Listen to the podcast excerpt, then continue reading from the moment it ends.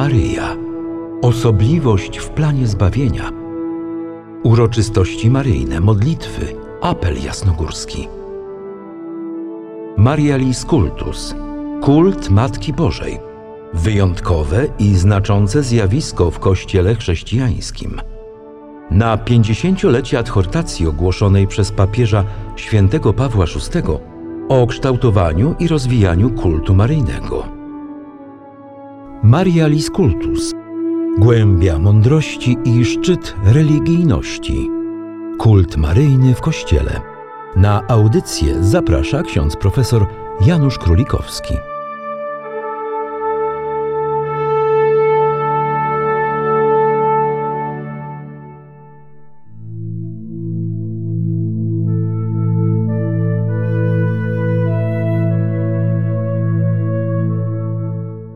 Bogactwo tradycji maryjnej w liturgii. Kościół zawsze znajduje się w bardzo szczególnej sytuacji duchowej i intelektualnej. A mianowicie, z jednej strony wyrasta z przeszłości, która tworzy jego tożsamość, a więc jest zanurzony w tym, co nazywamy świętą tradycją, a z drugiej strony stale przystosowuje swoje orędzie i sposoby jego przeżywania do nowych warunków i nowych wymogów, zależnie od sytuacji duchowej czasu. Ta obserwacja nie jest niczym nadzwyczajnym, ponieważ już pierwsze pokolenia chrześcijańskie dobrze wiedziały, że żyją tym, co otrzymały i to też przekazują, jak mówi święty Paweł. Żyjąc w głębokim i żywym związku z przeszłością, chrześcijanie dobrze wiedzą, że nie są tylko stróżami eksponatów zebranych w jakimś muzeum archeologicznym, ale ludźmi, którzy mają swoje tu i teraz. Papież Paweł VI w adhortacji Marialis Cultus dobrze zdaje sobie sprawę z tego napięcia, którym żyje Kościół i które odzwierciedla się w konkretnym życiu, i w jego perspektywie widzi zarówno dziedzictwo wielowiekowego kultu maryjnego, jak również z odwagą wskazuje wiele elementów, które mają służyć aktualizacji tego kultu po II Soborze Watykańskim. Tekst adhortacji jest więc rzeczywiście i wyraźnie naznaczony odniesieniem do mędrca, na którego wskazuje sam Pan Jezus, gdy mówi o ojcu rodziny, który ze swego skarbca wydobywa rzeczy nowe i stare. Papież Paweł VI jawi się jako taki właśnie ojciec, który najpierw wydobywa ze skarbca Kościoła rzeczy stare. Na ten wątek zwróćmy dzisiaj uwagę. Są w Kościele oddającym cześć Maryi rzeczy stare, które należą do jego duchowego skarbca i które zawierają wciąż aktualne przesłanie. Teologia i doświadczenie Kościoła podpowiadają nam, że uprzywilejowanym miejscem, w którym znajduje się jego żywa tradycja, jest liturgia. Dotyczy to także kultu maryjnego. Tradycja liturgiczna jest jego żywym pomnikiem, który jest dany do dyspozycji, abyśmy z niego wydobywali duchowy pokarm i natchnienia na przyszłość. Uroczystości, święta, wspomnienia Najświętszej Maryi Dziewicy, z których składa się rok liturgiczny, już w samych swoich tytułach zawierają wielkie przesłanie religijne i duchowe. Ukazują nam Maryję Niepokalaną 8 grudnia, Bożą Rodzicielkę 1 stycznia, przyjmującą zwiastowanie poczęcia i narodzin Zbawiciela 25 marca i w niebo wziętą 15 sierpnia. Te uroczystości maryjne, czyli wydarzenia liturgiczne cieszące się najwyższą rangą w Kościele, są otoczone jakby wieńcem mniejszych świąt. Narodzenia Maryi 8 września, nawiedzenia świętej Elżbiety 31 maja. Maryjny charakter posiada święto ofiarowania pańskiego 2 lutego. Ten wieniec współtworzą liczne wspomnienia maryjne o charakterze powszechnym i lokalnym.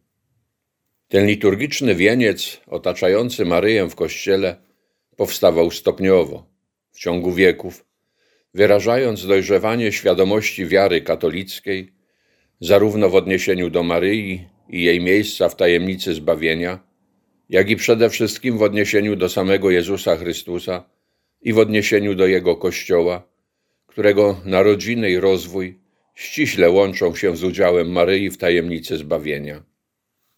Gdy mówimy o rozwoju wiary i o liturgii, to trzeba w tym miejscu podkreślić, że liturgia Kościoła nie tylko uznaje ten rozwój za autentyczny, czyli odpowiadający wierze, ale także dokonuje czegoś w rodzaju jego kodyfikacji.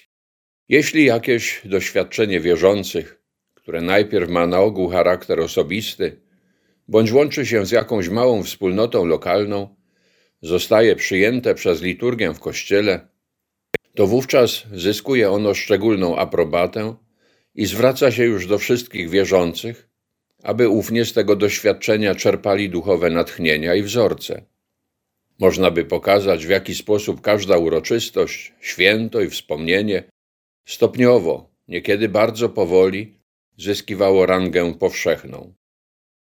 Nie ma tutaj miejsca, aby to wszystko pokazać. W każdym jednak razie sama zasada zasługuje na zauważenie i podkreślenie. Dlatego też papież Paweł VI podkreśla, że liturgia jest złotą zasadą kultu maryjnego. Dla nas praktycznie to oznacza, że chcąc nadać autentycznie maryjny kształt naszemu życiu chrześcijańskiemu, musimy włączyć się w bieg roku liturgicznego i przeżywać go w rytmie uroczystości, świąt i wspomnień maryjnych. Jak to skonkretyzować? Pomagają nam w tym teksty modlitw liturgicznych zawarte w odnowionym mszale, łącznie z niedocenianym jeszcze mszałem maryjnym i w liturgii godzin, czytania mszalne, inne zatwierdzone modlitwy maryjne. Papież Paweł VI słusznie podkreślił w adhortacji Marialis Cultus, że właśnie liturgia z całym swoim bogactwem maryjnym jest najlepszym dowodem na to, że kult maryjny ma w Kościele szczególny charakter i zajmuje szczególne miejsce. W nim wyraża się w najwyższym stopniu ciągłość tradycji, która w poszczególnych epokach jest w stanie przechować to, co najcenniejsze w doświadczeniu chrześcijańskim i przekazać je w darze kolejnym pokoleniom. Papież Paweł VI napisał tak: Liturgia, uzyskując zatwierdzenie i umocnienie ze strony Urzędu Nauczycielskiego Kościoła, pozostaje najwznioślejszym świadectwem, a także najtrwalszym pomnikiem tej żywej tradycji. Koniec cytatu. Jest ona najwznioślejszym świadectwem, ponieważ przekazuje nam doświadczenie wiary, które zyskało oficjalną aprobatę Kościoła i może być ównie przyjmowane, przeżywane i przekazywane kolejnym pokoleniom wierzącym.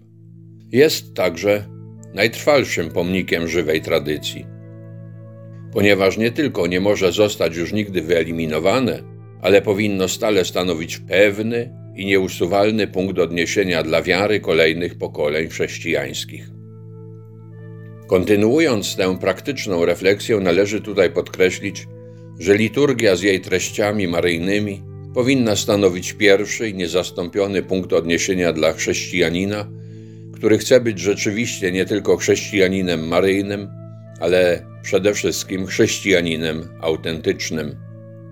Przeżywanie uroczystości, świąt i wspomnień maryjnych, oparte na pogłębionej znajomości modlitw liturgicznych i tekstów biblijnych, powinno stać się dla nas podstawą maryjnej wiary, pobożności i duchowości. W pewnym sensie przynajmniej możemy powiedzieć, że nie wymaga to od nas niczego nadzwyczajnego, ale jedynie włączenia się w zwyczajny bieg czasu, któremu nadajemy wymiar religijny za pośrednictwem liturgii i jej znakomitej pedagogii.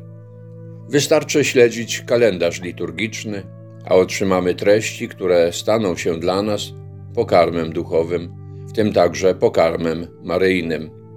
Wydaje się, dodajmy na koniec, że może zbyt mało sięgamy do tego, co podstawowe w dziedzinie naszego życia duchowego. Zaufajmy drugiemu Soborowi Watykańskiemu, który z całą prostotą, ale i ze zdecydowanym przekonaniem w Konstytucji o liturgii mówi nam, że właśnie liturgia jest dla katolika pierwszym źródłem życia duchowego. W czasie, gdy tak wiele proponuje się nam wędrówek duchowych, często trudnych i niezrozumiałych, sięgnijmy do tego, co mamy do dyspozycji na co dzień, a mianowicie włączmy się świadomie i ochoczo, a przede wszystkim z wiarą w to, co proponuje nam bieg roku liturgicznego. W nim Maryja ukazuje się w całym swoim znaczeniu, ale także w całej swojej mocy duchowej i sile przyciągania do samego Chrystusa.